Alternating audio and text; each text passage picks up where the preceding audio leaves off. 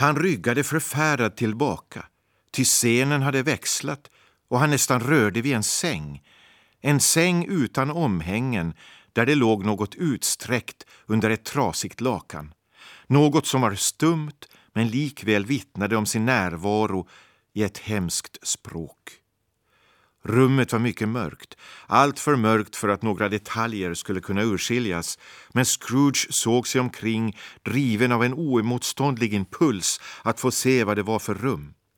Ett svagt ljus föll från fönstret rakt på sängen och på denna låg, plundrat och bestulet, övergivet, försummat och obegråtet, liket av en man. Scrooge sneglade mot anden.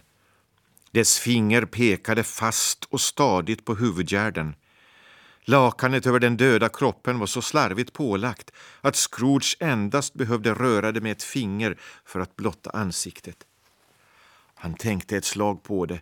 Han förstod hur lätt det var. Han längtade att få göra det men han hade lika lite kraft att dra undan filten som att driva bort spöket från sin sida.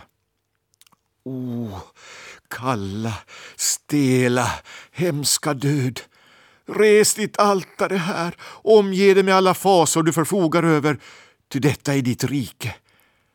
Men på ett älskat, vördat och ärat huvud förmår du inte rubba ett hårstrå för dina mörka syften eller förfula ett enda drag. Det gör ingenting att handen är tung och faller ned om man släpper den. Det gör ingenting att hjärtat och pulsarna står stilla. Det enda som betyder något är att handen var öppen, frikostig och trogen. Hjärtat modigt, varmt och ömt och pulsen en mans. Hugg till, skugga, hugg till! Du skall endast se goda gärningar strömma fram ur såret och sprida odödligt liv på jorden. Ingen röst uttalade dessa ord i Scrooges öron och ändå hörde han dem där han stod och såg på sängen. Han undrade vad denne man först skulle tänka om man nu kunde väcka honom. Girighet, hårdhet, gnidighet.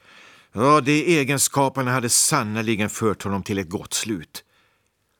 Han låg där i det mörka, tomma huset utan en man, en kvinna eller ett barn i närheten som kunde säga han var vänlig mot mig den och den gången och jag vill vara vänlig mot honom för minnet av ett vänligt ord. En katt skrapade på dörren, råttorna knaprade vid härden. Scrooge vågade inte tänka på vad de sökte i dödsrummet och varför de var så ivriga och rastlösa. Ande, sa han, det här är ett ohyggligt ställe. När jag lämnar det ska jag inte glömma den lärdom jag har fått, det lovar jag. Låt oss gå. Men anden pekade alltjämt med ett orörligt finger på huvudet. Jag förstår, sa Scrooge, och jag skulle göra det om jag kunde. Men jag har ingen kraft, ande. Jag har ingen kraft. Åter tycktes skepnaden betrakta honom. Om det i hela denna stad finns en enda person som känner något inför denne mans död, så visa mig honom, sade Scrooge ångestfullt. Jag besvär dig, ande. Skepnaden bredde ett ögonblick ut sin svarta mantel som ett par vingar.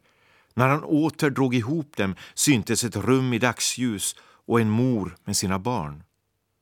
Kvinnan väntade med tydlig oro på någon. Hon gick fram och tillbaka på golvet, stannade vid varje ljud, såg ut genom fönstret, tittade på klockan, försökte förgäves arbeta på sin sömnad och kunde knappt stå ut med de lekande barnens stoj. Omsider hördes den länge efterlängtade knackningen. Hon skyndade till dörren för att möta sin man. Han var ännu ung, men hans ansikte var modfällt och fårat av bekymmer. Men nu hade det också ett egendomligt uttryck, ett slags allvarlig glädje som han blygdes över och som han försökte förgäves behärska. Han satte sig att äta maten som hade hållits varm åt honom på spisen och när hon tveksamt frågade om det var något nytt, vilket hon först efter en lång tystnad vågade göra, dröjde han med svaret. Är det goda eller dåliga nyheter? frågade hon för att hjälpa honom på traven. Dåliga, svarade han. Vi är således alldeles ruinerade. Nej, ännu finns det hopp, Caroline. Om han veknar, då finns det hopp, sade hon ängsligt. Ingenting är hopplöst om ett sådant underverk inträffar. Ångerns tid är förbi för honom, sade hennes man. Han är död.